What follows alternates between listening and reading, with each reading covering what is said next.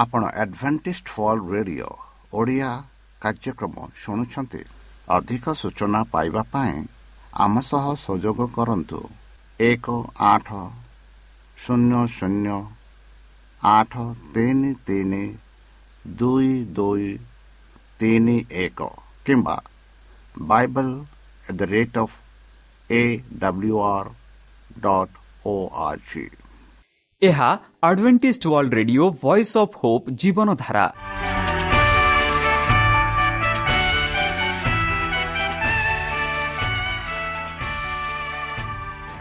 Odia radio କାର୍ଯ୍ୟକ୍ରମ ଯାହା ଆମର ଆନ୍ତର୍ଜାତୀୟ ଆଘାତ କେନ୍ଦ୍ରରୁ ପ୍ରସାରଣ କରାଯାଉଛି ପ୍ରତିଦିନ ରାତି ନଅଟା ତିରିଶ ମିନିଟ୍ରେ। ମୁଁ ସୁବ୍ରତ କୁମାର ପତି ପ୍ରେମର ସହ ଆପଣମାନଙ୍କୁ ଏହି କାର୍ଯ୍ୟକ୍ରମକୁ ସ୍ୱାଗତ କରୁଅଛି। ଚାଲନ୍ତୁ ଆଜିର ତିରିଶ ମିନିଟ୍ର କାର୍ଯ୍ୟକ୍ରମ ବିଷୟରେ ଜାଣିନେବା। ପ୍ରଥମେ ରଖିଛୁ ଆଧ୍ୟାତ୍ମିକ ଭକ୍ତିମୟ ଗୀତ। ଏହାପରେ ଶୁଣିବା ସ୍ୱାସ୍ଥ୍ୟ ବିଷୟରେ ଯାହା ଆମର ଦୈନିକ ଜୀବନରେ ଅତ୍ୟନ୍ତ ଜରୁରୀ। ଆଉ ପରିଶେଷରେ ଶୁଣିବା ପରମେଶ୍ୱରଙ୍କ ଭକ୍ତଙ୍କଠାରୁ ଜୀବନଦାୟକ ଈଶ୍ୱରଙ୍କ ବାକ୍ୟ। ପ୍ରିୟ ଶ୍ରୋତା ତାହେଲେ ଚାଲନ୍ତୁ ଶୁଣିବା ଏକ ଆଧ୍ୟାତ୍ମିକ ଭକ୍ତିମୟ ଗୀତ।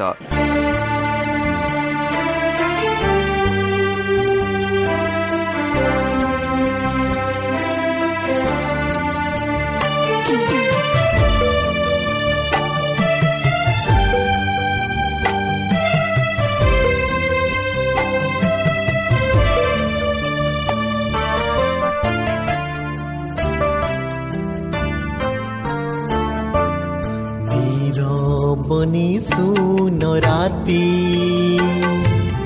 নীরবনি সুন রাতি মনে পড়ে তুম স্মৃতি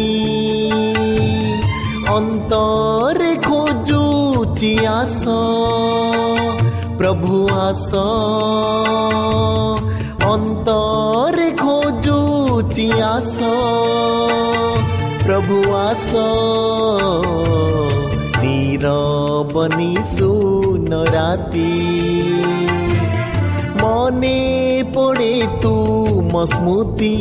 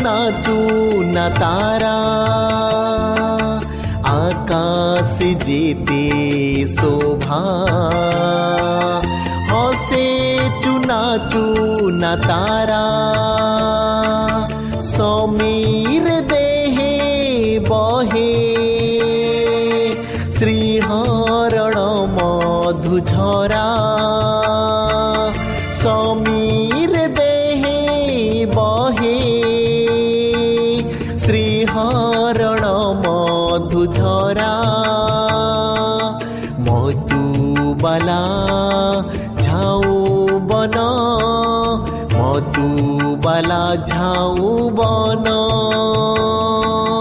গায়ে তুমরি শ্রব গীতি। নীরবনি সুন রাতি মনে পড়ে তুম স্মৃতি।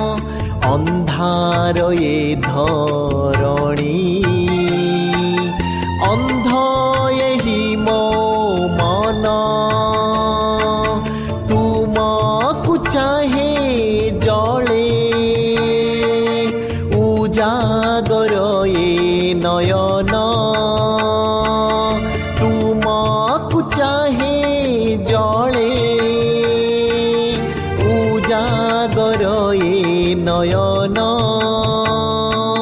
পিয়াসে ধরা কুকে পিয়াসে ধরা কুকে ঝরাও তোমার দিব্য জ্যোতি নীরবনি সুন রাতি নীরবনি সুন প্রিয় শ্রোতা আমি আশা করুଛୁ ଯେ ଆମର କାର୍ଯ୍ୟକ୍ରମ ଆପଣମାନଙ୍କୁ ପସନ୍ଦ ଲାଗୁଥିବ ଆପଣଙ୍କର ମତାମତ ଜଣାଇବା ପାଇଁ ଆମର ଏହି ଠିକଣାରେ ଯୋଗାଯୋଗ କରନ୍ତୁ ଆମ ଠିକଣା Adventist Media Centre SDA Mission Compound Salisbury Park Pune ଚାରି ଏକ ଏକ ଶୂନ ତିନି ସାତ ମହାରାଷ୍ଟ୍ର ବା ଖୋଲନ୍ତୁ ଆମର ୱେବସାଇଟ୍ ଯେକୌଣସି Android phone smartphone desktop laptop କିମ୍ବା ଟ୍ୟାବ୍ଲେଟ୍ ଆମର website W W W dot A W R dot O R G slash O R I ଏବଂ W W W dot Adventist Media Centre India dot O R G ବର୍ତ୍ତମାନ ଚାଲନ୍ତୁ ଶୁଣିବା ଈଶ୍ୱରଙ୍କ ଭକ୍ତଙ୍କଠାରୁ ଈଶ୍ୱରଙ୍କ ଜୀବନଦାୟକ ବାକ୍ୟ ନମସ୍କାର ପ୍ରିୟ ଶ୍ରୋତା ସେହି ସର୍ବଶକ୍ତି ସର୍ବଜ୍ଞାନୀ ପ୍ରେମର ସାଗର ଦୟାମୟ ଅନ୍ତର୍ଜମୀ ଅନୁଗ୍ରହ ପରମ ପିତାଙ୍କ ମଧୁର ନାମରେ ମୁଁ ପାଷ୍ଟ ପୂର୍ଣ୍ଣଚନ୍ଦ୍ର ଆଉ ଥରେ ଆପଣମାନଙ୍କୁ ଏହି କାର୍ଯ୍ୟକ୍ରମରେ ସ୍ୱାଗତ କରୁଅଛି। ସେହି ସର୍ବଶକ୍ତି ପରମେଶ୍ୱର ଆପଣମାନଙ୍କୁ ଆଶୀର୍ବାଦ କରନ୍ତୁ। ଆପଣଙ୍କୁ ସମସ୍ତ ପ୍ରକାର ଦୁଃଖ କଷ୍ଟ ବାଧା କ୍ଲେଶ ଓ ରୋଗରୁ ଦୂରେଇ ରଖନ୍ତୁ। ଶତ୍ରୁ ସୟତାନ ହସ୍ତରୁ ସେ ଆପଣଙ୍କୁ ସୁରକ୍ଷାରେ ରଖନ୍ତୁ। ତାହାଙ୍କ ପ୍ରେମ ତାହାଙ୍କ ସ୍ନେହ ତାହାଙ୍କ କୃପା ତାହାଙ୍କ ଅନୁଗ୍ରହ ସଦାସର୍ବଦା ଆପଣଙ୍କଠାରେ ସହବର୍ତ୍ତୀ ରହ। ପ୍ରିୟ ଶ୍ରୋତା ଚାଲନ୍ତୁ। ଆଜି ଆମ୍ଭେମାନେ କିଛି ସମୟ ତାହାଙ୍କ ଜୀବନଦାୟକ ବାକ୍ୟ ଧ୍ୟାନ କରିବା। ଆଜିର ଆଲୋଚନା ବିଶେଷ ଭାବରେ ଆଲୋଚନା କରୁଛୁ ତାଙ୍କର ଆରୋଗ୍ୟର ସ୍ପର୍ଶ। ଯେପରିକି ଏହି ସପ୍ତାହରେ ଆମେ ପ୍ରଭୁ ଯୀଶୁଙ୍କର ଆରୋଗ୍ୟ ବିଷୟରେ ତାଙ୍କ ସୁସ୍ଥ ବିଷୟରେ ଯେପରି ତାଙ୍କ ଜୀବନ ତାଙ୍କ କାର୍ଯ୍ୟ ବିଷୟରେ ଆମେ ଆଲୋଚନା କରୁଛେ ଆଜି ବିଶେଷ ଭାବରେ ଏଇ ଯେଉଁ ଦୁଇ ଦିନ ବିଶେଷ ଭାବରେ ଆମେ ଆଲୋଚନା କରିବା ତାଙ୍କ ଆରୋଗ୍ୟ ସ୍ୱର୍ଶର ହସ୍ତ। ବନ୍ଧୁ ଯେପରି ଆମେ ମାଥ୍ୟୁ ପଇଁତିରିଶ ପଇଁତିରିଶରେ ପାଉଅଛୁ ସେଠି ଆମେ ପାଉଛୁ ଏବଂ ଯୀଶୁ ସମସ୍ତ ନଗର ଓ ଗ୍ରାମ ବୁଲିଲେ ସେମାନଙ୍କ ସମାଜ ଗୃହରେ ଶିକ୍ଷା ଦେଲେ ଏବଂ ରାଜ୍ୟର ସୁସମାଚାର ବା ସେହି ସ୍ୱର୍ଗ ରାଜ୍ୟର ସୁସମାଚାର ପ୍ରଚାର କଲେ ଏବଂ ଲୋକମାନଙ୍କ ମଧ୍ୟରେ ଥିବା ସମସ୍ତ ରୋଗ ଏବଂ ରୋଗକୁ ସୁସ୍ଥ କଲେ। ବନ୍ଧୁ ଯୀଶୁ ଶ୍ରୀଖ୍ରୀଷ୍ଟ ଯେବେ ଏହି ପୃଥିବୀରେ ଥିଲେ ସେ କେବେ ହେଲେ ଏମିତି କିଛି କାମ ନ କରି ଘରେ ବସିନଥିଲେ ସେ ଗ୍ରାମ ଗ୍ରାମ ସହର ସହର ଗହଲି ଗହଲି ଗାଁ ଗାଁ ଭୁଲି ସେମାନଙ୍କ ସମାଜ ଗୃହରେ ଶିକ୍ଷା ଦେଉଥିଲେ। ସେମାନଙ୍କର ସବୁ ପ୍ରକାର ଦୁଃଖ କଷ୍ଟ ବୁଝୁଥିଲେ। ଆଉ ସେମାନଙ୍କୁ ସ୍ୱର୍ଗରାଜ୍ୟର ସୁସମାଚାର ସେ ସ୍ୱର୍ଗରାଜ୍ୟ ମାନେ ଯେଉଁ ସ୍ୱର୍ଗରେ ପରମେଶ୍ୱର ବାସ କରନ୍ତି ଯେଉଁ ସ୍ୱର୍ଗରୁ ଯୀଶୁଖ୍ରୀଷ୍ଟ ଆସୁଛନ୍ତି ଆଉ ଯେଉଁ ସ୍ୱର୍ଗରେ ପବିତ୍ର ଆତ୍ମା ବାସ କରନ୍ତି ଆଉ ଯେଉଁ ସ୍ୱର୍ଗରେ ଦୂତମାନେ ବାସ କରନ୍ତି ସେହି ସ୍ୱର୍ଗ ବିଷୟରେ ପ୍ରଚାର କରୁଥିଲେ। ଆଉ ତା ବାଦେ ସେ ଲୋକମାନଙ୍କ ମଧ୍ୟରେ ଥିବା ସମସ୍ତ ରୋଗ ସମସ୍ତ ରୋଗ ମାନେ ସେହି ସମୟରେ ଯେଉଁ ରୋଗ ଗୁଡ଼ାକ ପରିଚିତ ଥିଲା ସେହି ରୋଗ ଗୁଡ଼ାକ ଏବଂ ରୋଗକୁ ସୁସ୍ଥ କରୁଥିଲେ ବୋଲି ଆମେ ଦେଖୁଛୁ। ବିଶେଷ ଭାବରେ ଯଦି ଆମେ ଦେଖିବା ବାଇବଲରେ ଅଧିକାଂଶ ଆମେ ଦେଖୁଅଛୁ କୁଷ୍ଠ ରୋଗ। ଆଉ କୁଷ୍ଠ ରୋଗ ଯାହାକି ବର୍ତ୍ତମାନ ବି ଅଛି ଆଉ ବର୍ତ୍ତମାନ ଯଦି ସେଇ କୁଷ୍ଠ ରୋଗକୁ ପ୍ରାରମ୍ଭରେ ଯଦି ଚିକିତ୍ସା କରାଯିବ ସେ ଭଲ ହେଇପାରିବ। ଆଉ ସେତେବେଳେ ଲୋକମାନେ ବି ଭାବୁଥିଲେ କି କୁଷ୍ଠ ରୋଗ ହେଉଛି ଈଶ୍ୱରଙ୍କର ଅଭିଶାପ। ଆଉ ସେଇ ଯେଉଁ କୁଷ୍ଠରୋଗକୁ ମଧ୍ୟ ଯୀଶୁ ଖ୍ରୀଷ୍ଟ ଭଲ କରୁଥିଲେ ବୋଲି ଆମେ ଦେଖୁଅଛୁ।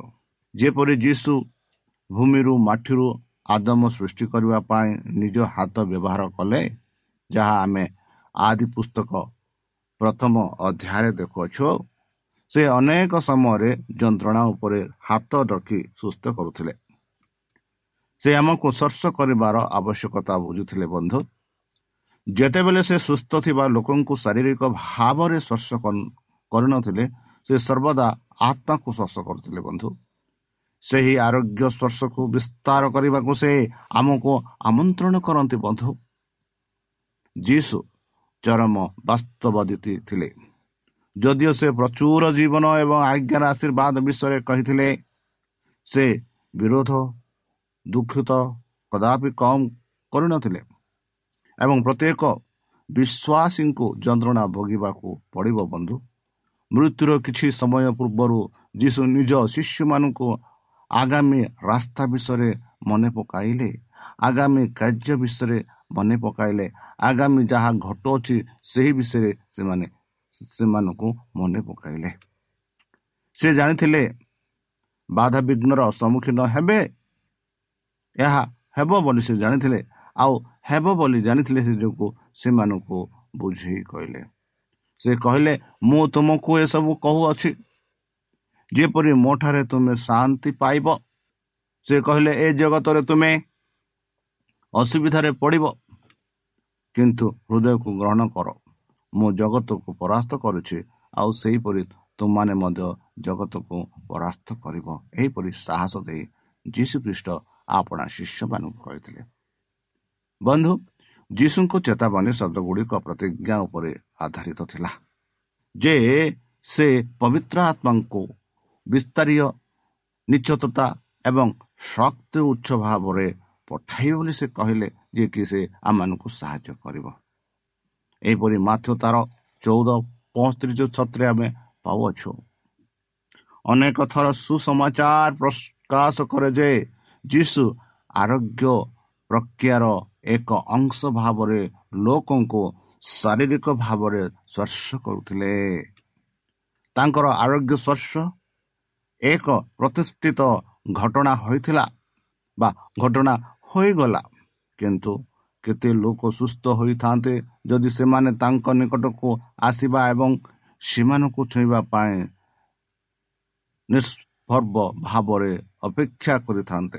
ବନ୍ଧୁ ଆରୋଗ୍ୟ ପାଇଁ ହତାଶ ହୋଇ ଜନସମାଗମ ଆରୋଗ୍ୟ ସମ୍ପର୍କ ସ୍ଥାପନ ପାଇଁ ପଦପେକ୍ଷ ନେଇଥିଲା। ଲୋକମାନେ ସେମାନଙ୍କର ସମସ୍ତ ରୋଗୀଙ୍କୁ ତାଙ୍କ ନିକଟକୁ ଆଣି ଅନୁରୋଧ କଲେ ବନ୍ଧୁ ଯେ ରୋଗୀମାନଙ୍କୁ ତାଙ୍କ ବସ୍ତ୍ରର ଧରକୁ ଛୁଇଁବାକୁ ଦିଅନ୍ତୁ ଏବଂ ତାଙ୍କୁ ଛୁଇଁଥିବା ସମସ୍ତେ ସୁସ୍ଥ ହୋଇଗଲେ ବନ୍ଧୁ। ଯାହା ଆମେ ମାଥ୍ୟ ଚଉଦ ପଞ୍ଚତିରିଶ ଛତିଶରେ ଏହିପରି ଲେଖା ଥିବା ଆମେ ଦେଖୁଅଛୁ। ବନ୍ଧୁ ଜାକୁବ ପାଞ୍ଚ ଚଉଦ ପନ୍ଦରରେ କେଉଁ ପରିସ୍ଥିତିରେ ପ୍ରଭୁ ଆଜି ଚମତ୍କାର ଆରୋଗ୍ୟ ପ୍ରତିଜ୍ଞା କରନ୍ତି ବୋଲି ପ୍ରଶ୍ନ ପଚାରାଯାଉଛି ବ୍ରାଡ୍ ଗୋଟିଏ ବର୍ଷ ବୟସରେ ଥିଲେ ବନ୍ଧୁ ଏବଂ ଏକ ଡାକ୍ତରଖାନାରେ ଜରୁରୀକାଳୀନ ବିଭାଗରେ ପଞ୍ଜୀକୃତ ନର୍ସ ଭାବରେ କାର୍ଯ୍ୟ କରୁଥିଲେ। ଅକ୍ଟୋବର ଉଣେଇଶହ ଛୟାଅଶୀରେ ବ୍ରାଡ୍ ଲକ୍ଷ୍ୟ କଲେ ଯେ ତାଙ୍କ ବାମ ବାଛୁରୀର ପିଠିରେ ଏକ ମଲ୍ ବଢ଼ିଛି ଏବଂ କୁଞ୍ଚିତ ହେଉଛି। ସେ ସଙ୍ଗେ ସଙ୍ଗେ ତାଙ୍କ ଡାକ୍ତରଙ୍କ ନିକଟକୁ ଯାଇ ଏହାକୁ ହଟାଇଲେ। ବ୍ରାଡଙ୍କ ଚିକିତ୍ସକ କହିଛନ୍ତି ଯେ ଏହା ମେଲନମ ବା କର୍କଟ ପରି ଦେଖାଯାଉଅଛି କର୍କଟ ପରି ଦେଖାଯାଉଛି ମାନେ କ୍ୟାନ୍ସର ପରି ଦେଖାଯାଉଛି। ପାଥୋଲିକ ରିପୋର୍ଟ ଏଥିରେ ସହମତ ନୁହେଁ। ସବୁକିଛି ଠିକ ମନେ ହେଉଥିଲା ବୋଲି ଦେଉଅଛି ଏକ ବର୍ଷ ପରେ ବ୍ରାଡ ତାଙ୍କର ପ୍ରଥମ ଅପ୍ରଚାରର ଦାଗ ଉପରେ ଦୁଇଟି ଛୋଟ ଅନ୍ଧାର ଅନ୍ଧାର ଦାଗ ଦେଖିଲେ। ସେ ତାଙ୍କ ଡାକ୍ତରଙ୍କ ନିକଟକୁ ଫେରିଗଲେ ଯିଏ ତୁରନ୍ତ ତାଙ୍କୁ ଅପ୍ରସଚାର ପାଇଁ ଯୋଜନା କରିଥିଲେ। ଏଥର ପଥଲିକ ରିପୋର୍ଟରେ ଦର୍ଶାଇଛି ଲିମ୍ ନୋଡ ମେଡାଷ୍ଟିଜ ମେଟାସିନ୍ ସହିତ ବାରମ୍ବାର କ୍ଷତିକାରକ ମେଲାନୋମ ଏକ ଗୁରୁତ୍ୱର ନିରାକରଣ। ବ୍ରାଡଙ୍କ ଡାକ୍ତର ତାଙ୍କୁ କହିଥିଲେ ଯେ ସେ ମାତ୍ର କିଛି ମାସ ବଞ୍ଚିବାକୁ ଆଶା କରିପାରନ୍ତି। ବ୍ରାଡଙ୍କୁ ଡାକ୍ତରଖାନାରୁ ମୁକ୍ତ କରାଯିବ ଯିବା ପରେ ସେ ଅଭିଷିକ୍ତ ହୋଇଥିଲେ। ପ୍ରଭୁ ଏଥିରେ ହସ୍ତପେକ୍ଷ କଲେ ଏବଂ ବ୍ରାଡ ଭଲ କାର୍ଯ୍ୟ କରିଛନ୍ତି। ଦଶ ବର୍ଷ ପରେ ତାଙ୍କର ଆଉ ମେଲା ନୋମା ପୁନର୍ବୃତ୍ତି ନାହିଁ। ସବୁଠୁ ଗୁରୁତ୍ୱପୂର୍ଣ୍ଣ କଥା ହେଉଛି ବନ୍ଧୁ ସେ ପୂର୍ବ ଅପେକ୍ଷା ଈଶ୍ୱରଙ୍କ ନିକଟରେ ଅଟନ୍ତି ଏବଂ ଈଶ୍ୱରଙ୍କ ଗୌରବ ପାଇଁ ତାଙ୍କର ଆରୋଗ୍ୟ ବିଷୟରେ କହିଥିଲେ। ବ୍ରାଡ ଏକ ଆଡଭେଣ୍ଟିଷ୍ଟ ଘରେ ବଢ଼ି ଆଡଭେଣ୍ଟିଷ୍ଟ ବିଦ୍ୟାଳୟରେ ପାଠ ପଢ଼ୁଥିଲେ।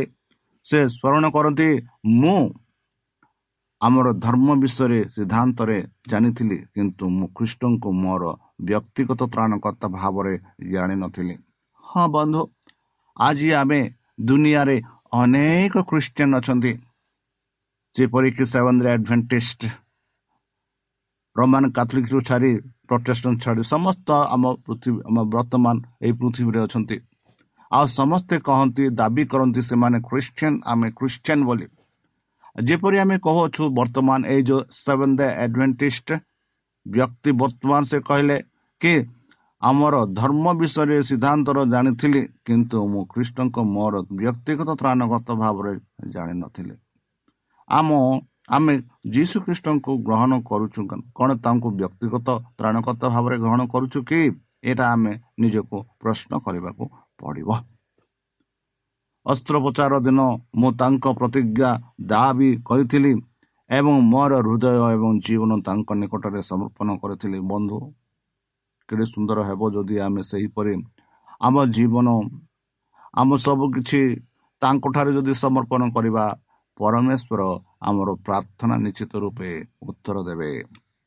ଯୀଶୁ ଏହି ପ୍ରାର୍ଥନାର ଉତ୍ତର ଦେଲେ ଏବଂ ବ୍ରାଡ଼ଙ୍କୁ ଶାନ୍ତି ମଧ୍ୟ ଦେଲେ। ସେ ବ୍ରାଡ଼ଙ୍କୁ ଶାରୀରିକ ଭାବରେ ସୁସ୍ଥ କରିଥିଲେ କିନ୍ତୁ ଅଧିକ ଗୁରୁତ୍ୱପୂର୍ଣ୍ଣ ବନ୍ଧୁ ଆଧ୍ୟାତ୍ମିକ ଭାବରେ।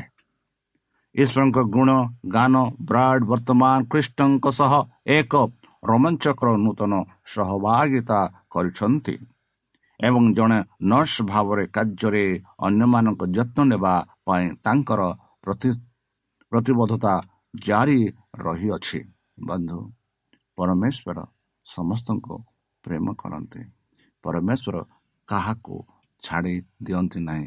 ମାତ୍ର ଆମର କର୍ତ୍ତବ୍ୟ ହେଉଛି କି ତାହାଙ୍କୁ ଆମର ତ୍ରାଣକର୍ତ୍ତା ଭାବେ ଗ୍ରହଣ କରିବା। ତାହାଙ୍କ ହସ୍ତରେ ଆମ ଜୀବନ ସମର୍ପଣ କରିବା। ତେବେ ହିଁ ଆମେ ଜଣାପଡ଼ିବା କି ଆମେ ବାସ୍ତବରେ ଖ୍ରୀଷ୍ଟିଆନ କି ନାହିଁ। ବନ୍ଧୁ ସମୃଦ୍ଧି ଚାଲିଥିବା ଦୁଃଖ ଘଟଣାର ଉତ୍ତରରେ କେତେ ନିଜର ବ୍ୟକ୍ତିଗତ ସାକ୍ଷା ବାଣ୍ଟିଛନ୍ତି। ଦିନେ ରାତିରେ କ୍ୟାଥି ଏବଂ ତାଙ୍କ ପରିବାର ଏକ ବ୍ୟସ୍ତବହୁଳ ରାସ୍ତାରେ ଘରକୁ ଯାଉଥିବା ବେଳେ ଉଚ୍ଚ ବେଗରେ ଯାତ୍ରା କରୁଥିବା ଏକ କାର୍ ଏକ ପ୍ରେସ୍ ସଂକେତ ଦୌଡ଼ି ଯାଇ ସେମାନେ ଆଘାତ କରିଥିଲା ବା ଧକ୍କା ଦେଇଥିଲା। କେତେ ସୁନ୍ଦର କିଶୋରୀ ଝିଅକୁ ବ୍ୟାନର ଫୋପାଡ଼ି ଦିଆଯାଇ ତୁରନ୍ତ ହତ୍ୟା କରାଯାଇଥିଲା। ଆଖି ପିଛୁଲାକେ ଜୀବନରେ ପରିପୂର୍ଣ୍ଣ ଏକ ସୁନ୍ଦର ଝିଅ ଏତେ ପ୍ରତିଭାବନା ଭବିଷ୍ୟତ ପାଇଁ ଅନେକ ସ୍ୱପ୍ନ ସହିତ ଚାଲିଥିଲା। ଏହି ଦୁଃଖଦ ଘଟଣା ପରିବାରକୁ ଭାଙ୍ଗି ଦେଇଛି ବନ୍ଧୁ। କେତେ ଦୁଃଖରେ ଭାଙ୍ଗି ଈଶ୍ୱରଙ୍କୁ ପଚାରିଲେ ତୁମେ ଆମ ଝିଅକୁ କାହିଁକି ଆମଠାରୁ ନେଇଯାଇଅଛ? ଏହିପରି ପରମେଶ୍ୱରଙ୍କ ଠାରେ ତାଙ୍କେ କହିଲେ ବନ୍ଧୁ ଆମେ ଭଲ ନୈତିକ ଜୀବନଯାପନ କରୁ ଏବଂ ତୁମର ସେବା କରିବାକୁ ଚେଷ୍ଟା କରୁଛୁ। ଅନ୍ୟମାନେ ପାପ ଏବଂ ଦୁଷ୍ଟତାରେ ଜୀବନ ଅତିବାହିତ କରି କାହିଁକି ଖୁସିରେ ଯାଆନ୍ତି?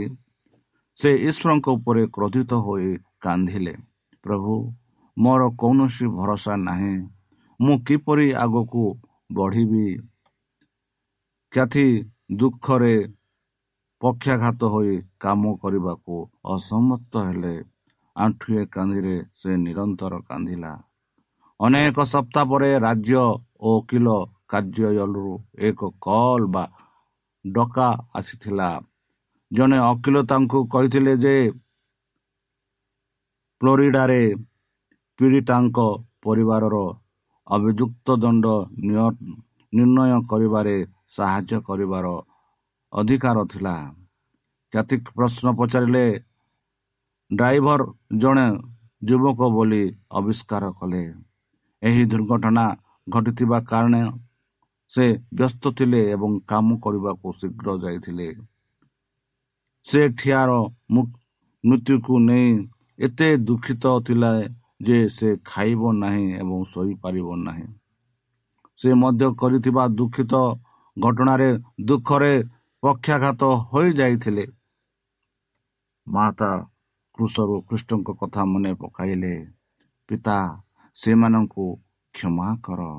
ବନ୍ଧୁ ଯେବେ ଯୀଶୁ ଖ୍ରୀଷ୍ଟ କୃଷରେ ଟଙ୍ଗା ଯାଇଥିଲେ ସେତେବେଳେ ଯୀଶୁ ଖ୍ରୀଷ୍ଟ ଯେଉଁମାନେ ତାଙ୍କୁ ଦଣ୍ଡ ଦେଉଥିଲେ କୃଷରେ ବିଧ ଗଲେ ସେମାନଙ୍କୁ ପରମେଶ୍ୱରଙ୍କ ଠାରେ ଏହିପରି ପ୍ରାର୍ଥନା କଲେ ହେ ମୋର ପରମ ପିତା ସେମାନଙ୍କୁ କ୍ଷମା କରନ୍ତୁ ଯେହେତୁ ସେମାନେ ଜାଣିନାହାନ୍ତି କ'ଣ କରୁଛନ୍ତି। ସେହିପରି ସେଇ ଯେଉଁ ମାଥା କାଥି ମନେ କଲେ ସେଇ କାଥି ମନେ କରି ସେଇ କଥା ମନେ କରି ସେ ଯେଉଁ ଯୁବକ ଯେ କି ଦୁର୍ଘଟଣାରେ ଆପଣା ଝିଅକୁ ସେ ହରାଇ ଅଛି ସେଇ ଯୁବକ ପାଖରେ ବର୍ତ୍ତମାନ କାଥି ଛିଡ଼ା ହେଉଛି ଆଉ ସେ ସେହି କଥାକୁ ଯୀଶୁଖ୍ରୀଷ୍ଟଙ୍କ କଥାକୁ ମନେ କରୁଛନ୍ତି। ଯେହେତୁ ସେ ଜଣେ ଯୁବକ କ'ଣ ମଧ୍ୟ ଦୁଃଖରେ ଆକ୍ରାନ୍ତ ହୋଇଥିଲେ ତାହା ବି ସେ ଶୁଣିଥିଲେ। ସେ ଅଖିଳଙ୍କୁ କହିଥିଲେ ଯେ ଦୟାକରି ତାଙ୍କୁ କୁହ ମୁଁ ତାଙ୍କୁ କ୍ଷମା କରୁଛି ଏବଂ ମୁଁ ତାଙ୍କୁ ଦେଖିବାକୁ ଚାହେଁ। ଏହିପରି ସେଇ ଯେଉଁ ଅଖିଳଙ୍କ ସହ ସେ କହିଥିଲେ। କାଥି ସ୍ମରଣ କରିଛନ୍ତି। ସଙ୍ଗେ ସଙ୍ଗେ ଈଶ୍ୱର ମୋ ହୃଦୟକୁ ସବୁଠାରୁ ବଡ଼ ଓଜନ ଉଠାଇଲେ। ଯଦିଓ ମୁଁ ତଥାପି ବହୁତ ଦୁଃଖ ଅନୁଭବ କରୁଥିଲି ସେ ମୋତେ ଶାନ୍ତି ଏବଂ ଆଶ୍ୱାସନା ଦେଇଥିଲେ ମୁଁ ଜାଣିଥିଲି ଯେ ସେ ଆମ ସହିତ ରହିବେ ଏବଂ ଦିନେ ଆମ ତାଙ୍କ ଏବଂ ମିଲିଆସାଙ୍କୁ ସ୍ୱର୍ଗରେ ଭେଟିବ। ଏହିପରି ସେ କାଥି ନିଜକୁ ସାନ୍ତ୍ୱନା ଦେଲେ। କାଥି ବର୍ତ୍ତମାନ ଯୁବକକୁ ସ୍କୁଲକୁ ଫେରିବା ଏବଂ ତାଙ୍କ ଜୀବନକୁ ସୁଧାରିବାରେ ସାହାଯ୍ୟ କରୁଛନ୍ତି। ସେ ସ୍ୱର୍ଗକୁ ଅପେକ୍ଷା କରି ରହିଛନ୍ତି ଏବଂ ମିଲିସାଙ୍କ ସହିତ ଏକ ବିଶାଳ ମିଳନ ହେବ ବୋଲି। ବନ୍ଧୁ କୃଷରୁ ଯୀଶୁ କ୍ରନ୍ଧନ ମନରେ ରଖି ପିତା ସେମାନଙ୍କୁ କ୍ଷମା କର। କୌଣସି କ୍ଷତ ଅତ୍ୟଧିକ ମହାନ ଅତ୍ୟଧିକ ଗଭୀର ଅତ୍ୟଧିକ କ୍ଷତିକାରକ ନୁହେଁ ଯେ ଏହା ଈଶ୍ୱରଙ୍କ ଆତ୍ମା ଦ୍ୱାରା ସୁସ୍ଥ ହୋଇପାରିବ ନାହିଁ। ଯେଉଁମାନେ ବିଶ୍ୱାସ କରନ୍ତି ଏବଂ ମାନନ୍ତି ସେମାନଙ୍କ ପାଇଁ ଆରୋଗ୍ୟ ହୋଇଥାଏ। ବନ୍ଧୁ ଯେହେତୁ ଯୀଶୁଙ୍କ ବ୍ୟକ୍ତିଗତ ଯନ୍ତ୍ରଣା ଏତେ ଚରମ ଥିଲା ଆମେ ନିଶ୍ଚିତ ହୋଇପାରିବା ଯେ ସେ ଆମ ଦୁଃଖରେ ଆମ ସହାନୁଭୂତି ଦେଖନ୍ତି। ଯେହେତୁ ଯେତେ ହୃଦୟ ଦିବାରକ ହେଉନା କାହିଁକି ବନ୍ଧୁ ସେ ଆମ ସହିତ ରହିବ। ଏକ ଦୟାଲୁ ସ୍ପର୍ଶର ଆରୋଗ୍ୟ ଶକ୍ତି ଯାହାର ଆମେ ଗତ ସପ୍ତାହରେ ଅଧ୍ୟୟନ କରିଥିଲୁ। ସମସ୍ତ ଲୋକ କୁଷ୍ଠରୋଗୀଙ୍କ ସହିତ ଯୀଶୁଙ୍କ ଅଭିଜ୍ଞାରେ ସମ୍ପୂର୍ଣ୍ଣ ଭାବରେ ଉଦାହରଣ ଦିଆଯାଇଅଛି। ଦୟାରେ ପରିପୂର୍ଣ୍ଣ ହୋଇ ଯୀଶୁ ତାଙ୍କ ହାତ ବଢ଼ାଇ ସେହି ବ୍ୟକ୍ତିଙ୍କୁ ଛୁଇଁଲେ। ତାପରେ ସେ ସେହି ବାକ୍ୟ ଗୁଡ଼ିକ କହିଲେ ପରିଷ୍କାର ହୁଅ ଏବଂ ତତ୍କ୍ଷଣ କୁଷ୍ଠରୋଗ କେବଳ ପ୍ରତ୍ୟାଖ୍ୟାନ ଏବଂ ବିଚ୍ଛନାରେ ଅତୀତର ଏକ ସ୍ମରଣୀୟ ସ୍ମୃତି ହୋଇଗଲା। ବନ୍ଧୁ ଯେତେବେଳେ ନାଜି ଜର୍ମାନୀ ହୋଲାଣ୍ଡର ଦଖଲ ହେଲା ହୋଲାଣ୍ଡର ପ୍ରଥମ ମହିଳା ଘଣ୍ଟା ନିର୍ମାତା କରି ଟ୍ରେନ୍ ବୁମ୍ ହୋଇବା ହୋଲ୍ ହୋଲକୋଷ୍ଟରୁ ପଳାୟନ କରୁଥିବା ଜୁହୁଦୀମାନଙ୍କ ପାଇଁ ୱାବ୍ ଦୋକାନ ଉପରେ ନିଜ ଘରକୁ ପରିଣତ କଲେ। ବନ୍ଧୁ ଫେବୃଆରୀ ଉଣେଇଶହ ଚଉରାଅଶୀରେ ଗେଷ୍ଟାପୋସ୍ ସେମାନଙ୍କୁ ଧରିଲେ କୋରି ତାଙ୍କ ଭଉଣୀ ବେଟି ଏବଂ ସେମାନଙ୍କ ଈଶ୍ୱରୀୟ ଚଉରାଅଶୀ ବୟସ ପିତାଙ୍କୁ ଷ୍ଟାବିଂ ଜେଲରୁ ନିଆଯାଇଥିଲା। କୋରିଙ୍କୁ ଏକାକୀ ବନ୍ଦିଶାଳରେ ରଖାଯାଇଥିଲା। ପିଲାଦିନରୁ ତାଙ୍କ ସବୁଠାରୁ ଯନ୍ତ୍ରଣାଦାୟକ ଭୟ ଏକାକୀ ରହିବାର ଭୟ ଥିଲା। ଲୋକଙ୍କ ଠାରୁ ଦୂରେଇ ଯାଇଥିଲା। ବର୍ତ୍ତମାନ ସେ ଏକୁଟିଆ ଥିଲେ ଅସ୍ତୁତ ଥିଲେ ଏବଂ ଅନ୍ୟମାନଙ୍କ ସହ କଥା ହେବାକୁ ବାରଣ କରିଥିଲେ। ସେ ଈଶ୍ୱରଙ୍କ ନିକଟରେ ପ୍ରାର୍ଥନା କରି ପଚାରିଲେ ଏହା କାହିଁକି ଘଟୁଅଛି? ବନ୍ଧୁ ପରମେଶ୍ୱର ଆମମାନଙ୍କ ସହ ସଦାସର୍ବଦା ରହିଅଛନ୍ତି। ଯଦି ଆମେ ତାଙ୍କଠାରେ ନିଜ ଜୀବନ ସମର୍ପଣ କରିବା ସେ ନିଶ୍ଚିତ ରୂପେ ଆମମାନଙ୍କ ସବୁକିଛି ସାହାଯ୍ୟ କରିବେ ଆମମାନଙ୍କ ପ୍ରାର୍ଥନା ଶୁଣିବେ। ବନ୍ଧୁ ଚାଲନ୍ତୁ ନିଜ ଆତ୍ମା ନିଜ ଜୀବନ ସେହି ସଦାପ୍ରଭୁଙ୍କ ହସ୍ତରେ ସମର୍ପଣ କରି ତାହାଙ୍କ ମଧ୍ୟରୁ ନାମରେ ପ୍ରାର୍ଥନା ଉଚ୍ଚାରଣ କରିବା। ହେ ଆମ୍ଭମାନଙ୍କ ସର୍ବଶକ୍ତି ସର୍ବଜ୍ଞାନୀ ପ୍ରେମର ସାଗର ଦୟାମୟ ଅନ୍ତର୍ଜମୀ ଅନୁଗ୍ରହ ପିତା ଧନ୍ୟବାଦ ଅର୍ପଣ କରୁଅଛୁ ପ୍ରଭୁ ବର୍ତ୍ତମାନ ଯେଉଁ ବାକ୍ୟ ମୁଁ ସେହି ଭକ୍ତମାନଙ୍କୁ ଶୁଣାଇଅଛି ସେହି ବାକ୍ୟ ଅନୁସାରେ ଆମମାନଙ୍କୁ ଚାଲିବା ପାଇଁ ବୁଦ୍ଧିରେ ଜ୍ଞାନରେ ଶକ୍ତିରେ ପରିପୂର୍ଣ୍ଣ କର। ଆମମାନଙ୍କୁ ସୁସ୍ଥ ଜୀବନ ରହିବା ପାଇଁ ସେହି ଆଶିଷରେ ଭରାଇ ଦିଅ। ଆମ ପାପ ସବୁ ତୁମ ସେହି ବହୁମୂଲ୍ୟ ରକ୍ତରେ ପରିଷ୍କାର ରୂପେ ଧୋଇ ଦିଅ। ଆଉ ପରିଶେଷ ଯେବେ ତୁମେ ତୁମ ସେହି ସହସ୍ର ଦୂତଙ୍କ ସହ ଆସିବେ ସେଥିବେଳେ ଆମମାନଙ୍କୁ ଏକ ବାସସ୍ଥାନ ଦେବ ବୋଲି ତ୍ରାଣକର୍ତ୍ତା ପ୍ରଭୁ ଯୀଶୁଙ୍କ ମଧୁରମୟ ନାମରେ ଏହି ଛୋଟ ମାଗୁଛୁ। ତୁମେ ଗ୍ରହଣ କର। ପ୍ରିୟ ଶ୍ରୋତା ଆମେ ଆଶା କରୁଛୁ ଯେ ଆମର କାର୍ଯ୍ୟକ୍ରମ ଆପଣମାନଙ୍କୁ ପସନ୍ଦ ଲାଗୁଥିବ। ଆପଣଙ୍କର ମତାମତ ଜଣାଇବା ପାଇଁ ଆମର ଏହି ଠିକଣାରେ ଯୋଗାଯୋଗ କରନ୍ତୁ। ଆମ ଠିକଣା Adventist Media Centre SDA Mission Compound Salisbury Park Pune ଚାରି ଏକ ଏକ ଶୂନ ତିନି ସାତ ମହାରାଷ୍ଟ୍ର। ବା ଖୋଲନ୍ତୁ ଆମର ୱେବସାଇଟ୍ ଯେକୌଣସି Android phone smartphone desktop laptop କିମ୍ବା ଟ୍ୟାବ୍ଲେଟ୍ ଆମର website W W W dot A W R dot O R G slash O R I ଏବଂ W W W dot Adventist Media Centre India dot O R G Adventist Media Centre ଇଣ୍ଡିଆର spelling ହେଉଛି A D V E N T I S T M E D I A C E N T R E I N D I A ଅଥବା download କରନ୍ତୁ ଆମର mobile app आपनको mobile play store को जातु आउ type करतु the Voice of Hope आउ download करतु ईश्वर आपण आशीर्वाद करतु धन्यवाद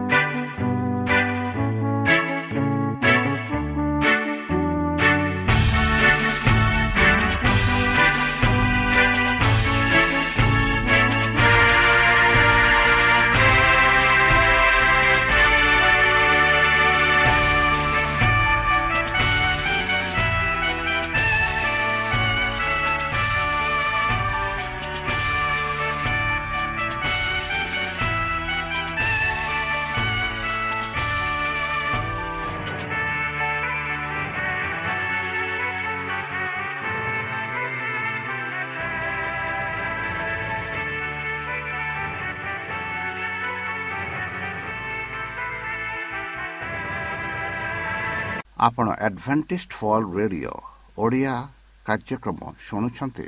ଅଧିକ ସୂଚନା ପାଇବା ପାଇଁ ଆମ ସହ ସଂଯୋଗ କରନ୍ତୁ।